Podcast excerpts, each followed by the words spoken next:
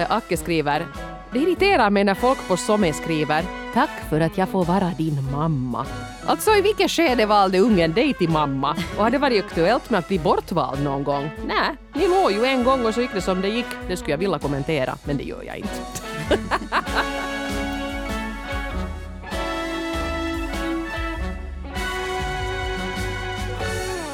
Det här kommer att bli ett riktigt gnälligt avsnitt. Men jag tycker att gnäll, det är inte alltid så illa. Ibland är det bra att gnälla av sig, lite sådär som att gråta ut. Och sen när man har gnällt så är det liksom gjort och då kan man bespara sina medmänniskor sitt jomsande och därför tänkte norren av Frans nu här öppna upp ventilerna och agera folkets slasktratt. Gnäll till oss, vi tar emot och tackar. Ja, och gästas vad gänget har gnällt alltså. Jag tror vi har 14 sidor med, med olika teman som folk stör sig på. Ja. Och jag tycker att vi har ju skrattat gott när vi har läst igenom veckans brev. Det är allt vet du från att, att jag, jag stör mig på att eh, folk klär sina barn i likadana kläder.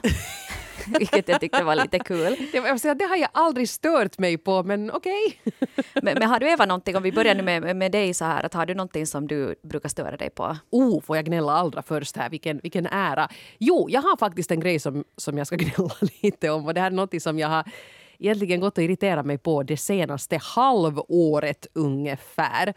Och det är när människor gnäller om sitt hår. Och framförallt de som gnäller på att de har så mycket hår. För det har ju varit nu under pandemin så är det ju sådär att folk har inte kanske gått till frissan eh, för säkerhets skull sådär. Eh, inte velat utsätta sig för smitta och kanske inte heller haft något jobb att gå till nu här medan man har jobbat på distans. Och så har många lagt ut sådana här selfies då var de visar att herregud, titta vilket hårsvall. Och det, får man, det, det, är inte så farligt, det, det, är jag helt med på. Men då skulle det vara roligare om de skulle skriva sådär att hej hej, kalla mig Rapunzel, titta så mycket hår jag har. Men nej, de ska alltså gnälla på att de har så mycket hår. Se nu hur det har blivit och voj, voj, voj. Och nu är ju grejen den då att jag har inte speciellt mycket hår. Jag tappar hår hela tiden och jag får hålla på och observera min, min hårlinje hela tiden på grund av att jag har den här sjukdomen alopecia. Så det här med att folk har för mycket hår, jag tycker inte speciellt synd om dem. Och mitt hårproblem kommer kanske att lösas inom ett år om jag har tur. Men de här människorna skulle ju kunna lösa sitt problem på en timme. Man bokar en frissa-tid, man går dit och säger kan jag vänligen få en fuktgivande hårinpackning och en riktigt bra skalpmassage och så klipper du av elände i någonting snyggt. Och så är det ju löst det där problemet. Så sluta jomma om att ni har för mycket hår. Jag orkar inte se på er och jag tänker på riktigt börja blocka er som håller på så här. Punkt. det är bra, du, en riktig ordentlig rant så här för att starta, starta så, så det blir god filis i det här avsnittet. ja, men jag får, jag får lite dåligt samvete faktiskt för jag har ju så här jättefrissigt hår. Jag tror att förra veckan så beklagade jag mig till dig också att åh nej, se nu på det här att det ser ut som jag ska tvätta mitt hår med WC-anka. Och jag har för, förlåt Eva, det var inte min mening. jag hade en inpackningsburk med som jag tänkte tvångsinpacka dig med men jag, jag behärskar mig. Okay. nej, alltså det är helt fine med sånt här smått som känns lite... Det var faktiskt, jag skrev om det här på Instagram och då var det en kvinna som skrev att, ja, att hon, hon känner sig också träffad för att hon hade en gång hållit på och så lite slentrian gnälla på att usch vad fult hår jag har. Och hon gjorde det då till sin mamma som var mitt i någon cancerbehandling och hade sån här Alfons Åberg-hår. Mm. Alltså några små testar kvar och den här kvinnan som skrev så att hon hade ju samma sekund insett att men vad håller jag på med? Att, förlåt. ja, och det är nog kanske att liksom idka lite speläga där så kan, ja. vara, kan vara ganska bra. Men gnälla på sitt fula hår, det är liksom lite sådant allmänt kallpratstema. Men det tycker jag inte ska vara för det här med hår kan vara ganska känsligt för ganska många. Så nu är det sagt. Nå bra, det, nu ska vi lära lära oss av det här. Ja. och nu, nu känner jag mig gladare. Det, jag gnällde av mig lite. Nu, ska, ja. nu är det din tur. Gnäll på. Gnäll på. Jag, jag måste säga att jag har inte så jättemycket såna aktuellt gnäll. Alltså är det kanske nu här främst, alltså jag brukar ju irritera mig på folk i trafiken och det har ju också flera av er som har skrivit in äh, konstatera också. Liksom det här med att, att äh, vägra att använda en blinker mm, då man ska mm. svänga in. Eller till exempel att om man kör på de här omkörningsfilerna att alla gas, sätter gasen i botten genast man är på omkörningsfilen och sen så börjar man köra sakta igen genast den där över. Det irriterar mig något ofantligt men det är ju sådana små grejer, inte det är så att jag går Att söndagsköra i den snabba filen. Ja, ja. Just det. Ja, men sån mm. här så. Ja, eh, det var intressant här nu när vi efterlyste era irritationsmoment så trafiken stod ju högt i kurs och det är kanske ingen överraskning. Just det här med Att använda blinkers var ganska, någonting som många, många nämnde. Men annars så märkte jag att jag, jag, tycker att jag ser en viss sån här pandemitrend i det här. För vi har ju gjort lite så snarlika avsnitt tidigare. Och då var det på något sätt mer sånt om att oj vad folk är torviga på jobbet och oj vad folk är torviga på resor. Men nu märker man att ni irriterar er i trafiken och ni irriterar er ganska mycket i matbutiken. Ja. och, och, det är ju kanske det som man har hållit på med. Det, det har liksom, livet har ju lite grann begränsats till det nu här de senaste två åren. Ja, här har till exempel Peter 43 skrivit så här att jag irriterar mig på folk som står och packar ner matvaror i kassen fast allt har åkt igenom och det är dags att betala och det är flera som står i kön bakom som måste vänta på en idiot. Jag har sagt till några gånger att nu är det minsann dags att pausa plockande och betala istället. Ja, det där förstår jag. Det där är nog lite irriterande. Mm. Att man inte liksom slinker fram med sitt kort och sen fortsätter packa. Mm.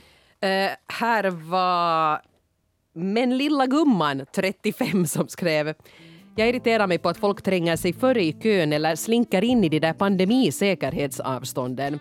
Min erfarenhet är att det oftast är äldre människor som vill visa att de minsann har rätt att göra så här för att de har nog också ett brådskande liv och det ska vi bortskämda ungar förstå. Sen tittar de över axeln på en med ett uttryck av högmod och förakt. Uh. Jag kommer från komplicerade förhållanden och lider av något som kallas generationellt trauma. Och det här gör att jag inte kan bli arg och stå på mig, utan jag är alltid den där dörrmattan som körs över gång på gång. Det här är ju inte ett trauma som syns utåt så jag låter dem komma undan med det eftersom det är mitt safe space att hålla mig lugn. Men det är lite svårt det där med att, att ska man säga till just i sådana här lägen. Just för att man ska stå och köa då till exempel då med ett, ett och ett halvt meters avstånd och så kommer det just någon som går före. Jag gör alltid det där passiva aggressiva. Jag liksom inte opponerar mig men jag säger varsågod. Ja. Gå före mig bara, jag jo, har inget liv. ole hyvä vaan rouva. Gör, gör du det med det där tonfallet också? Exakt det där tonfallet. Ja. Passiv aggressivt som sagt. Men jag förstår det där. Jag menar, det där råkar jag också mycket ut för i början med när man försökte vänja sig vid det här att en kö ska vara gles för vi ska hålla säkerhetsavstånd. Och en del inte fattade det där och var så att ja, om inte du tänker gå fram så kan jag ju ställa mig här då i, ja. i den här, det här hålet som ni har lämnat här. Äh. Jag brukar nog säga till liksom att ja, att kön slutar ju där. Att ja. Det här är nu tre människor bakom mig och så här. Däremot så brukar jag ofta i matbutiken att om jag märker att någon står bakom mig som har, är kanske bara på en snabb eh, kaffepaus och ska hämta vet du, någonting smått att äta och ha två varor. Så Precis. brukar jag säga att hej gå före mig att jag har ingen brådska. Du behöver inte vänta med det, jag packar upp hela min Precis, om man själv har hela, hela kärran full och den där andra har två grejer så då är det ju artigt och fint. Men vet du en sak som jag kan säga faktiskt här, jag hörde, min mamma gnällde åt mig här häromdagen för hon hade varit ute och åkt tåg. Och så hade hon liksom satt sig i den här vagnen och det var ju en ganska varm dag. Och sen så satt det en medresenär då en kvinna satt med för det första bara fötter uppe på ett sånt här bord, du vet uh, tågen som kan vara att man sitter liksom två, två mitt emot varandra så finns det ett bord emellan.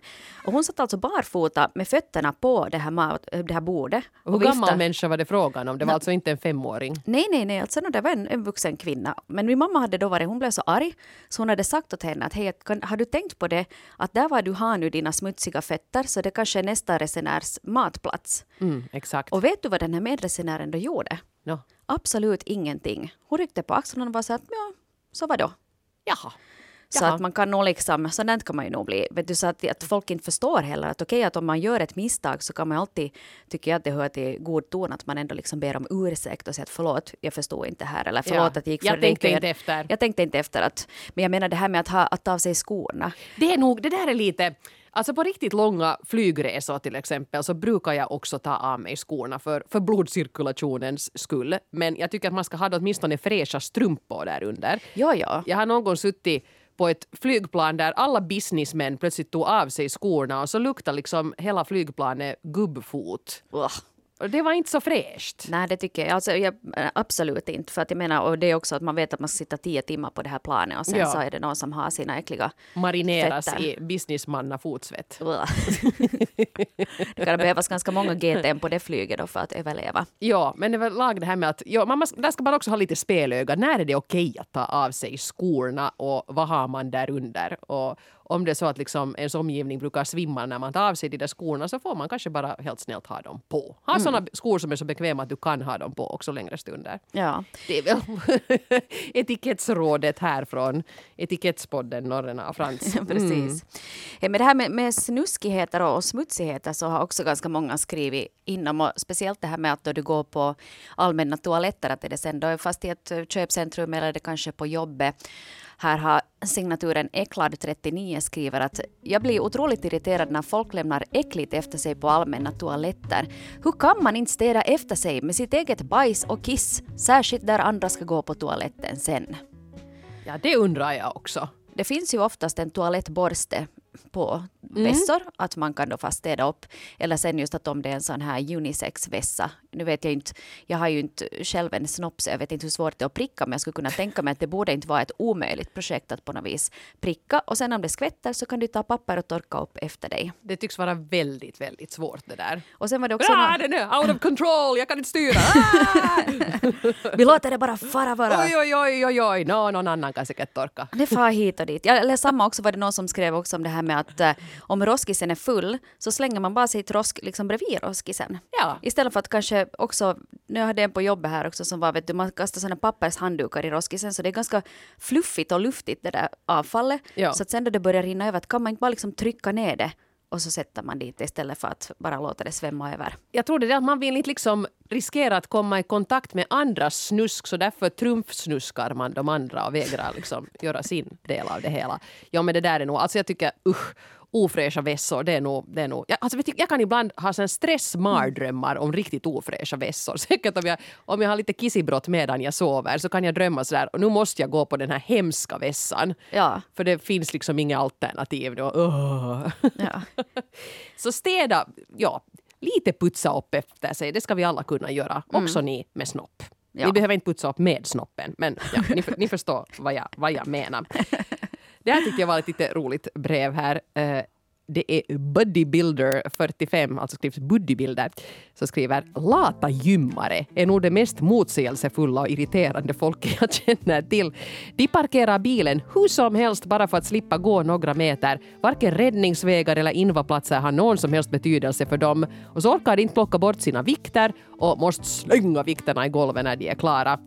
Kanske de borde börja virka istället eller hitta någon annan lite mindre jobbig hobby när de är så lata, tycker Buddybilder 45. Ja, det, här, det, är ju väldigt länge sedan jag, jag själv gick på ett gym, men jag kommer ihåg just det här med att, att karrar som lyfter, att det, det skulle låta mycket och sen då att de slänger de här, de här vikterna i golvet. Uh! Och det var ju liksom på det gymmet där jag gick så, så där var det att de måste ju reparera golvet. För att det funkar ju inte med att ha ett vanligt golv utan de måste förstärka golvet just för att de här otroligt starka gymmarna då ska kunna slänga sina vikter hur som helst. Ja. Men gym är väl nog också ett, för det är ju också en ganska snuskig plats där man äh, svettas och, och har sig och sådär. Och inte där också att det det hör till att man fast har en handduk med sig eller att man lite putsar av de här maskinerna. Att om man nu har en jättesvettig tröja så kanske det inte är så kul att gå och sätta sig på samma bänk. No, nu hör du kan jag berätta att det är jag som har varit på gym under pandemin så fick jag det sagt också. ja, ja. Man putsar ganska bra nu för tiden. Mm. Åtminstone på vi går på olika gym, jag och Jonas, och det är helt samma där på, på hans. Att det hör till att man nu, nu för tiden ska ta ett papper och någon sån här desinficerande spray och så ska man putsa efter sig. Alla hantlar allt du har rört. Och det här håller folk fortfarande på med fast det kanske inte är så där jättestor smittorisk längre att det här tror jag kanske är någonting som har förändrats för gott i och med pandemin och det tycker jag är jättebra.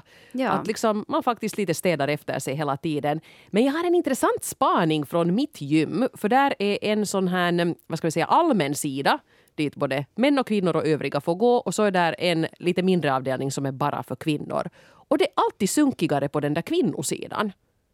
Är det så? Man ska ja. tänka att kvinnorna ofta brukar vara lite sådär mer städade av sig. Ja, alltså det är inte sådär direkt ofräscht men det ligger hantlar lite här och där att folk för inte tillbaka dem till den där ställningen och folk tar inte bort sina vikter när de är färdiga med dem maskin och allt är liksom lite roddigt där. Man får ungefär snava fram över en massa sådana pilatesbollar och, och sådana yogamattor som ligger utspridda där. Och gymmet alltså är tomt. Den där kvinnan har roddat och gått hem. Mm. Och det tycker jag är jätteunderligt. Nu ska man ju, det där är lite samma som att städa upp efter sig på toaletten. Så jag tycker att man ska, det hör till gymetiketten att man ska återställa det man har, har hållit på med. Ja, så det, ja, också det där för att jag menar om, om någon grym styrkelyftargubbe eller gumma har varit i någon sån här maskin och lämnat liksom 90 kilo där. Så det är inte sagt att jag får bort de där vikterna.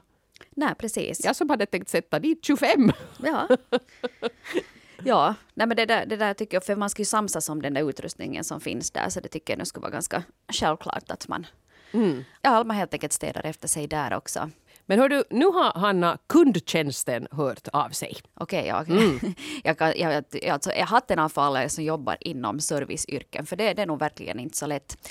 Surtanten 64 har skrivit så här. Jag blir irriterad på alla dessa egoistiska människor som bara tänker jag, jag och jag. Som klagar i butiker om det inte går precis som de har tänkt. Samma på resor, flygfält och så vidare.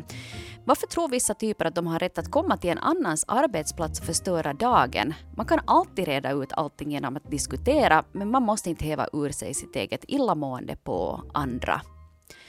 Mm. Ja, nu är det, man märker att man har kommit i det här semesterflyget för sent. Att mitt i allt så måste man köa en och en halv timme i den här säkerhetskontrollen. Och så, och så på något vis tänker man att nej, men jag har rätt att gå förbi. Mm, mm. Det var samma, alltså jag jobbade ju efter gymnasiet så var jag, bodde jag i London ett tag och så jobbade jag på Heathrows flygplats, alltså på någonting som kallas för airside, som är efter då säkerhetskontrollen och passkontrollen, det vill säga alla som är där är där för att flyga någonstans.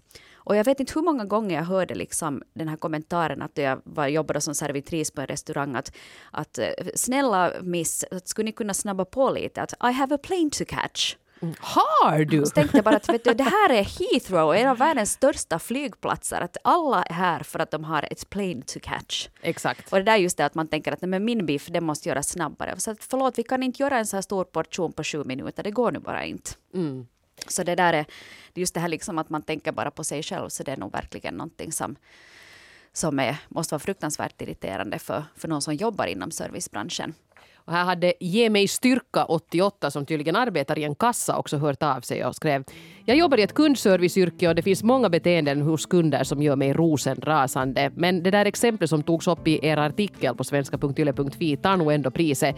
Det vill säga kunder som pratar i telefonen eller ännu värre är mitt i ett videosamtal samtidigt som de förväntar sig att jag ska betjäna dem på bästa möjliga sätt. Jag får lust att ge dessa kunder en avhyvling som heter duga, men tyvärr är jag nu fortfarande för feg för att göra det. En sak är dock säker. Telefonpladdrande kunder som behandlar oss servicemänniskor som luft, de behöver inte förvänta sig det där lilla extra som jag mer än gärna ger till alla trevliga kunder jag har. Så skriver ge mig styrka 88. Ja, det där är, jag har inte jobbat själv nu inom serviceyrken på länge, men jag känner... Alltså jag, jag kan inte förstå det där med folk som ungefär ringer upp en kompis medan de står i kassakön i butiken och så håller de på och pladdrar. Jag har någon gång också talat i telefon för att något av mina barn ringde och då sa jag till den där kassa, kassadamen att ursäkta att här är lite tillande på med, med mina barn. Man kan åtminstone liksom be om ursäkt att nu måste jag ta det här samtalet. Men att bara helt nonchalant hålla på och prata med någon annan, undvika ögonkontakt med den där som säger att ja, har du bonuskort och okej och, och det där. Så oartigt. Jag menar, det där är sådana små interaktioner med medmänniskor och man ska behandla sina medmänniskor med respekt. Ja. Ja, det där, det, det, I min lokala butik så var det en sån här, det en sån här estnisk dam som har jobbat i, i den här kassan i åratal. Och vi brukar nu lite småprata.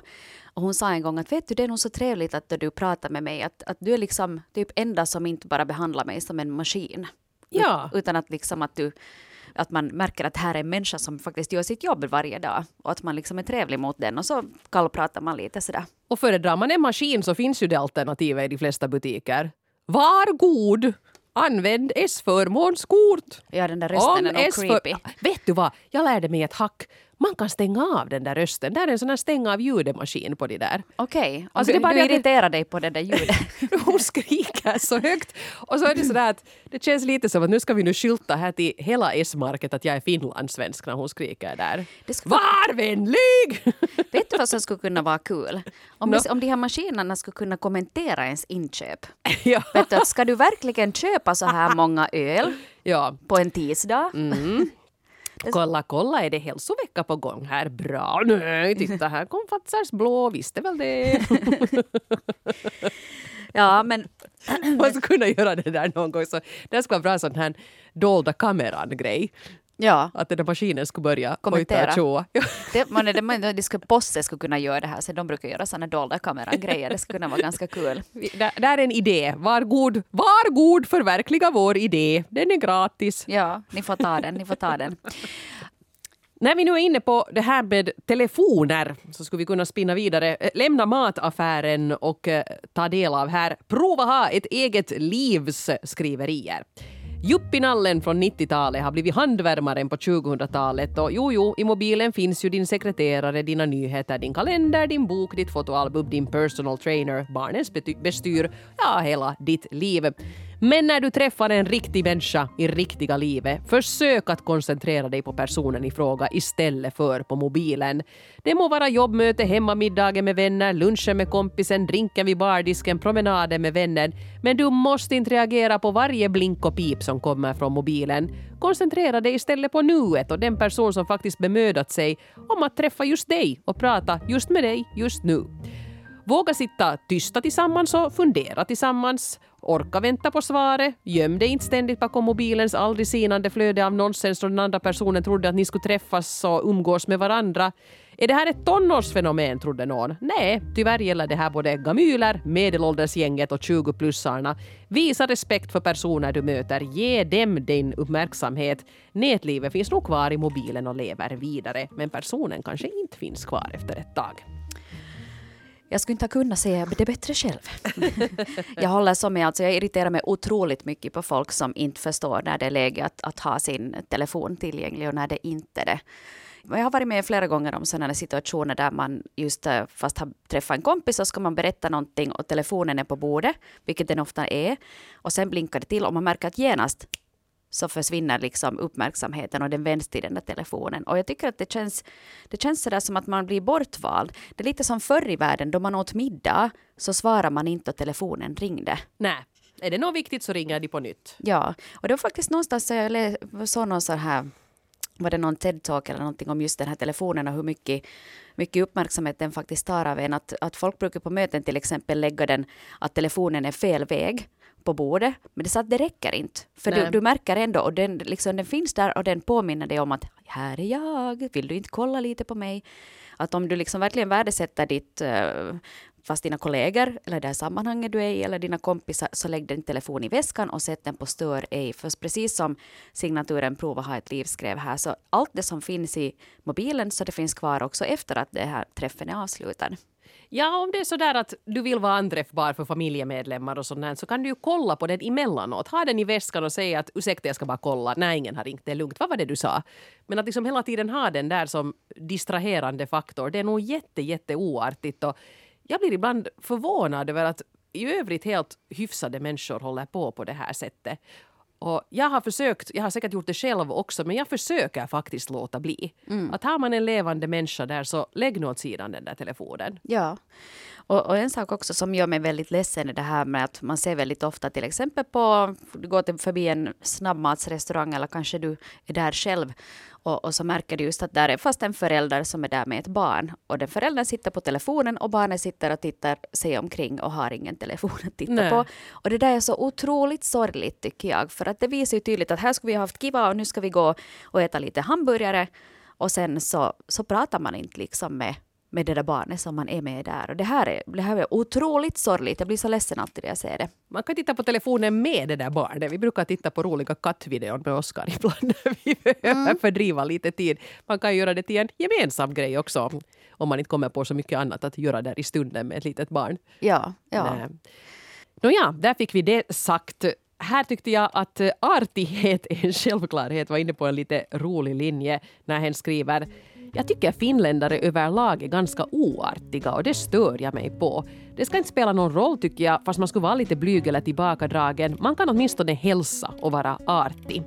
En sak som jag inte gillar är att man i butiker av personalen ibland får höra morgens, moro eller andra liknande kompishälsningar. Det chockerar faktiskt mig trots att jag inte är äldre än 40 år. Jag tycker det är på sin plats att visa kunderna respekt och artighet genom en trevlig hälsningsfras som till exempel Hyvää päivää. Jaha, ser du? Goddag, goddag. Goddag. Ja, man kan ju visserligen säga goddag, men jag tror att det kan upplevas som att det är ett ironiskt goddag. Goddag! goddag. Ja. Nej men alltså absolut, det där är väl lite samma som just med det här kassapersonalen och det här med hur man bemöter folk och där kanske också tycker jag att, att om man fast träffar, eh, för mig är det i alla fall uppfostrad, eller jag har blivit uppfostrad så att om du träffar äldre människor så har du kanske ett annat tilltal än att om den där typen i kassan skulle kunna vara ditt barn. Mm. Att nog tycker jag där då liksom, eller att jag brukar också fast nia äldre okända personer. Att mm. om jag träffar då en tant på gatan att, vet du, så kan jag fråga att behöver ni hjälp? Precis, Sådär. ja. Men det, det, det blir åtminstone för mig ganska naturligt så. Men nu, nåja, kanske nu ett moro lite väl familjärt. Men är nu ett hej ganska neutralt och ja. bra? Hej! Hej, hej, hej! Hej, hej! Ja, inte vet jag. Men okej, okay, ska, man ska inte säga åtminstone moro till den, till den här personen. Nej, nej. Hörrni, här var en ganska, ett ganska intressant brev som lite kom sådär som man säger på finska, taka vasemmalta. Och eh, det är signaturen billig bensin, 35 år. Det är ju aktuellt nu det här med, med bensinpriserna. Och den signaturen skriver så här. Jag irriterar mig på folk som kör bil i onödan och sen gnäller på bensinpriset och på världen.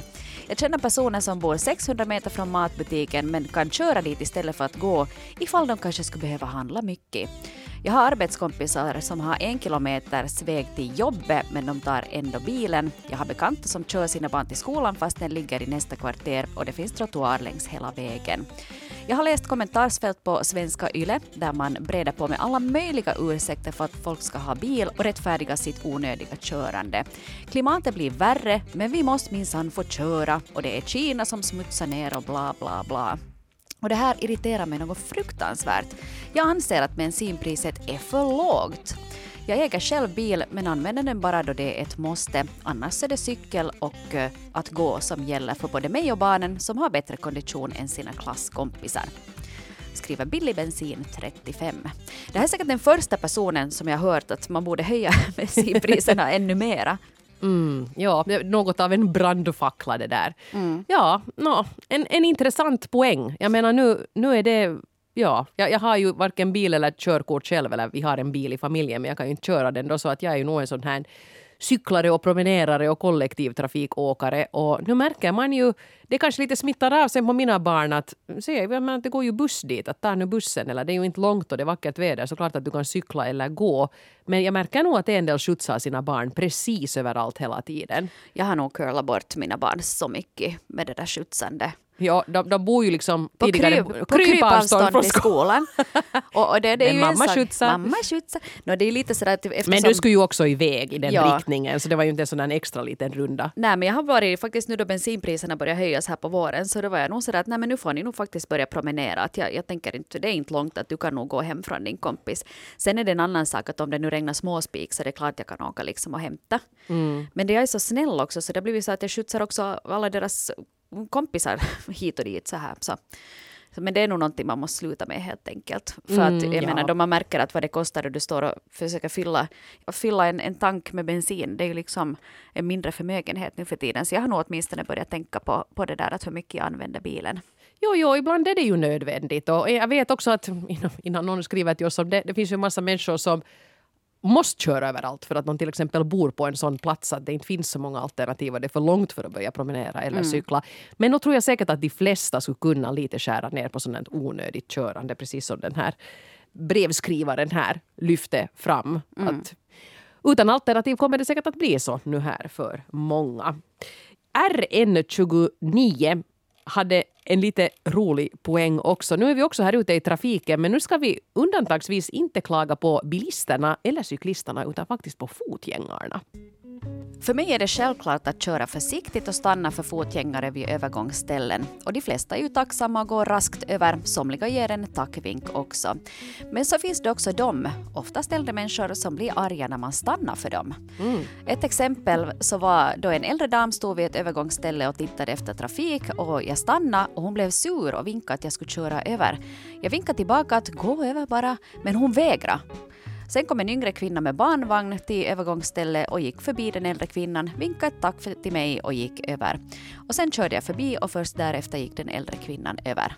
Och det här är ett beteende som jag inte förstår mig på.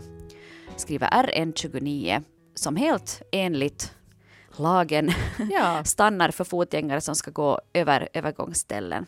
Men det där tycker jag också, för det kan också hända att äldre människor eller kanske människor som har svårt att röra sig, att det tar ganska länge att gå över.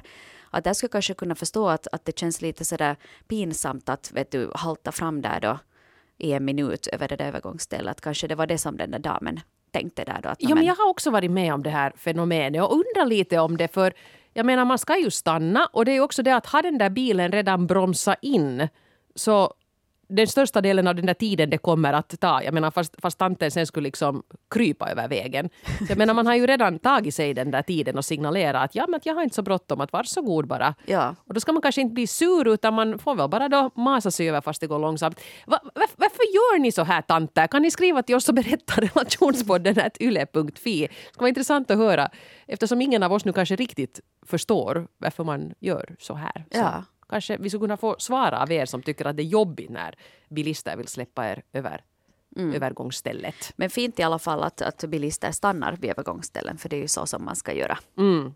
Ska vi Hanna gå in nu på området sociala medier lite grann? här fanns också rätt så mycket. Ja, ja. Mm. Den är ganska kul den här, den här eh, kommentaren som Acke52 har skrivit in. Ja, ja, eh, Acke skriver. Det irriterar mig när folk på Somme skriver Tack för att jag får vara din mamma. Alltså i vilket skede valde ungen dig till mamma? Och har det varit aktuellt med att bli bortvald någon gång? Nej, ni låg ju en gång och så gick det som det gick. Det skulle jag vilja kommentera, men det gör jag inte. Ja, man har ju nog hört det där, eller se det emellan sådär, tack för att jag får vara Det är din när mamma. någons barn fyller år och så lägger man ut gulliga bilder på barnen och säger tack för att jag får vara din mamma. Ja. Alltså, jag har inte irriterat mig på det men nu när, när Acke nu skriver så här så det är ju faktiskt en jätteböbig sak att skriva. ja, det, är, det är lite fånigt och barnen säger att äh, varsågod. Varsågod. Ja. Ja. Är det liksom någon tanke om att, oh, att före de små barnen föds så sitter de alla på ett moln och spanar ner på föräldrarna och så säger de till storken att den där vill jag ha till mamma, för mig till henne. och då blir det då, ja. Det, Ja. Var, det var lite Disney det där. Ja, det var lite Disney. Här kommer storken. Men det kanske, ja, men, men vad man menar när man skriver så där är ju att jag är så tacksam att jag, jag är din mamma för att du är en så bra unge. Men det blir faktiskt den här formuleringen, är ju, det är mitt huvud inte fötter i det. Ja, och så Tack är det lite smörigt också. Ja, ja, Det är lite för smörigt för, för den finländska folksjälen, tror jag. kanske. Ja. Uh, Hitta på något nytt, alla ni som vill skryta med era välartade barn på sociala medier. Ja, något nytt nästa år till födelsedagen. uh, många har ju också irriterat sig på det här med hur man kommenterar på sociala medier, att man dissar vad andra har skrivit och sånt här. Så, så det har kommit in ganska mycket på. Men vi har faktiskt gjort ett avsnitt om sociala medier också tidigare. Det är säkert, ja, det är väldigt länge sedan. Det var i forntiden vi gjorde det. Men vi har Vi gjort ett kanske borde på göra det. ett nytt. För vi jag har ett det. minne av att det fanns ganska mycket att ösa ur där och jag tror att många ville lite uppfostra varandra så vi kan ju kanske förse er med en sån kommunikationskanal här i höst kanske. Vi kan göra det, ja. Men här var, här var en, en grej som lite kanske angränsar till det här, men som ändå är en, en lite annan grej. Och det tror jag många föräldrar som har barn som har hobbyer Eh, kan känna igen sig i signaturen GA, 38 år, skriver så här. Jag är med i flera WhatsApp-grupper genom mina barns idrotter och ett störande beteende är då någon av lagledarna eller tränaren informerar om någonting och sen får det här inlägget 26 tummen upp som respons av föräldrarna. På riktigt, själva informationen drunknar ju i alla onödiga reaktioner. Ännu värre är det om det ställs en fråga som till exempel vem har möjlighet att delta eller ställa upp och skjutsa? Och det här inlägget får en massa svar av de som inte kan. Typ, tyvärr, jag jobbar då så jag skulle gärna ställa upp men jag är på arbetsresa och bla bla bla. Det var ju inte som det frågades efter. En, en fråga som inleds med vem kan ska ju få svar av de som kan. Inte av någon sälj sälj av någon alla som inte kan. Skriver GA, 38 år. Oj, oj, såna här WhatsApp-grupper, det, det är nog liksom kaos och kalabalik ofta. Ja. Och, jo, ja, no, det är ju förstås det där om man sätter en sån där tumme upp så kanske man bara vill markera att jag har nåtts av informationen. Liksom på något sätt kvittera det. Men jo, det är sant det här, det blir ju dumt om, om sådär det bara blir en jättelång länga med, med tummar så att man knappt hittar den där informationen i sig. Ja. Där är det kanske snarare så att den där tränaren eller ledaren skulle, skulle kunna skriva att kan ni lite kujta om ni har sett det här? Sätt en tumme upp om ni har läst det här så jag vet att infon har gått fram. Att till exempel det är ingen träning imorgon. Ja, eller sen kanske mm. att, man inte, att man inte kommenterar över, överhuvudtaget. Lite vet du sådär som den finska mannen mm. visar sin kärlek. Att, uh, han säger en gång att jag älskar dig och, och sen säger jag att om det här ändras så hör jag av mig. Så hör jag av mig, men, men annars älskar jag dig fortfarande. Precis. Men, ja, men det här känner jag så igen det här med att när man frågar att vill någon göra det och det och det, det behöver inte ens vara i sådana här och så svarar alla som inte vill eller inte kan. Men mm. man blir ju varje gång man, det plingar till så man säger men nu kanske jag fick napp här. Nej, det var någon igen som skulle förklara exakt vad den har för sig på torsdag och varför den då inte kan komma. Ja, så jag tror nog alltså just det här med, med stora grupper, att där ska man undvika att sätta onödig information eller onödiga kommentarer kanske. Vi skulle kunna ta ett sista brev här. Eh, Vinkaren 29 som är inne på någonting som är ganska sådär tycker jag traditionell hyfs och pli och skriver “Jag irriterar mig på det här när man kommer som ny till ett evenemang, ett jobb, fest, diskussion, annan situation och personen som bjöd in en eller som man kanske kom dit med känner de flesta men inte ändå presenterar en för alla de andra som den känner. Så står man där som ett fån och behöver själv avbryta en konversation och säga “Ja hej, alltså jag heter si och så” eller vinka till de andra lite sådär klumpigt. Det känns som en naturlig sak att den som känner alla ska förstå att etikett är att den presenterar den eller de som är nya i gruppen så att man lättare kommer in. Speciellt om den känner en väl och redan vet att man är lite introvert av sig. Säger vinkaren 29. Bra poäng där! Ja, och, och jag har märkt det här med att, äh, att folk äh, inte liksom att de kanske antar att man vet vem de är. Och, och där, jag brukar liksom köra på ett sånt här med lite, lite överdrivet kanske upprepande presentationer. Att om jag kommer då, då till exempel på YLE så har vi olika redaktioner och sen att om jag har varit då, ska vi säga till exempel i Vasa så kanske folk vet vem jag är men jag kommer inte ihåg vem alla är här. Mm. Och då tycker jag att det är alltid bra att jag, att jag säger alltid att vem jag är och varför jag är här. Eller om man träffar folk på klassen eller vet du, föräldrar eller, eller sådana, att, man, och att det är dens ansvar som, som bjuder med någon att se till att den har det trevligt på, i det här sammanhanget. Och sen kanske också ge plats, att är det sen på, på jobbet till exempel, att om man har en ny kollega, men hej vad tycker du om det här? Mm. som är ny och så här att man, att man inkluderar folk. För att det känns, man, det känns jätte töntigt att sen stå där vet du, och, och vara lite sådär bortkommen och, och utanför. Ja, där är nog faktiskt det här med, med några som är väldigt bra på det här som vår brevskrivare efterlyser är de som jobbar på mitt bokförlag. För jag hamnar ju ganska ofta på sådana mingel och sånt här när man sådär lite kind of vet vilka de andra är men man har kanske aldrig presenterat och inlett en diskussion och då brukar de här som är anställda på mitt förlag och som känner alla där vara väldigt bra på att säga helt enkelt Ja, förresten, känner ni varandra? Och då kan man säga att jo, vi har träffats. Eller så säger man att ja, inte nu direkt så här. Och så säger de att ja, Eva, hon kommer ju att utkomma med en barnbok igen här i höst och, och det här är den och den och den som jobbar på det och det och det. Och, och så kanske de till och med slänger in någonting som kan vara intressant för oss att diskutera. Och, och, och, ni har ju båda nyligen varit i Grekland. Och så kan de liksom dunsta för då har de kickat igång oss. Och de gör det jättesnyggt och jag har inspirerats av dem. Och det är inte svårare än så där. Det där är ju klassisk presentationsteknik. Det där just att man presenterar varandra och ger någon information om den andra som man kan liksom ta, ta fasta på. Jag tycker ju inte om mingel egentligen, men jag vet att de här minglen brukar gå bra för det blir inte den där risken att nu kommer jag stå i en knut här med lite blajigt rödvin i en plastbugg utan någon kommer att liksom ta hand om mig och bara någon liksom kickar igång en med en främling så kan man ju prata på. Det är inte liksom mitt problem. Men det är så här man ska göra. Mm. när man ordnar sådana här tillställningar. Absolut, och det kan vara bra att tänka på det också på sommaren när man kanske återser gamla bekanta och så här att att jag hade just en, en, de hade visst studerat i samma skola som träffades här nu. Så var så att ja, ni har ju båda gått på Hanken. Mm. Ah, jo, det är ju sant men man har inte bara sett varandra på 15 år. Ja. så, så kan det vara sådana grejer. Men, men uh, väldigt underhållande. Jag hoppas att det här nu kändes på något vis uppfriskande att gå igenom. Det här finns så mycket andra grejer också. Vi ska givetvis lägga ut flera också på, på svenska.yle.fi så vi får med så många som möjligt. Men tusen tack. Jag hoppas att det känns som att ni har blivit, blivit renade på något vis. Ja, ni som fick gnälla, ni fick gnälla av er och ni som är torviga, ni kanske fick er en tankeställare. Mm.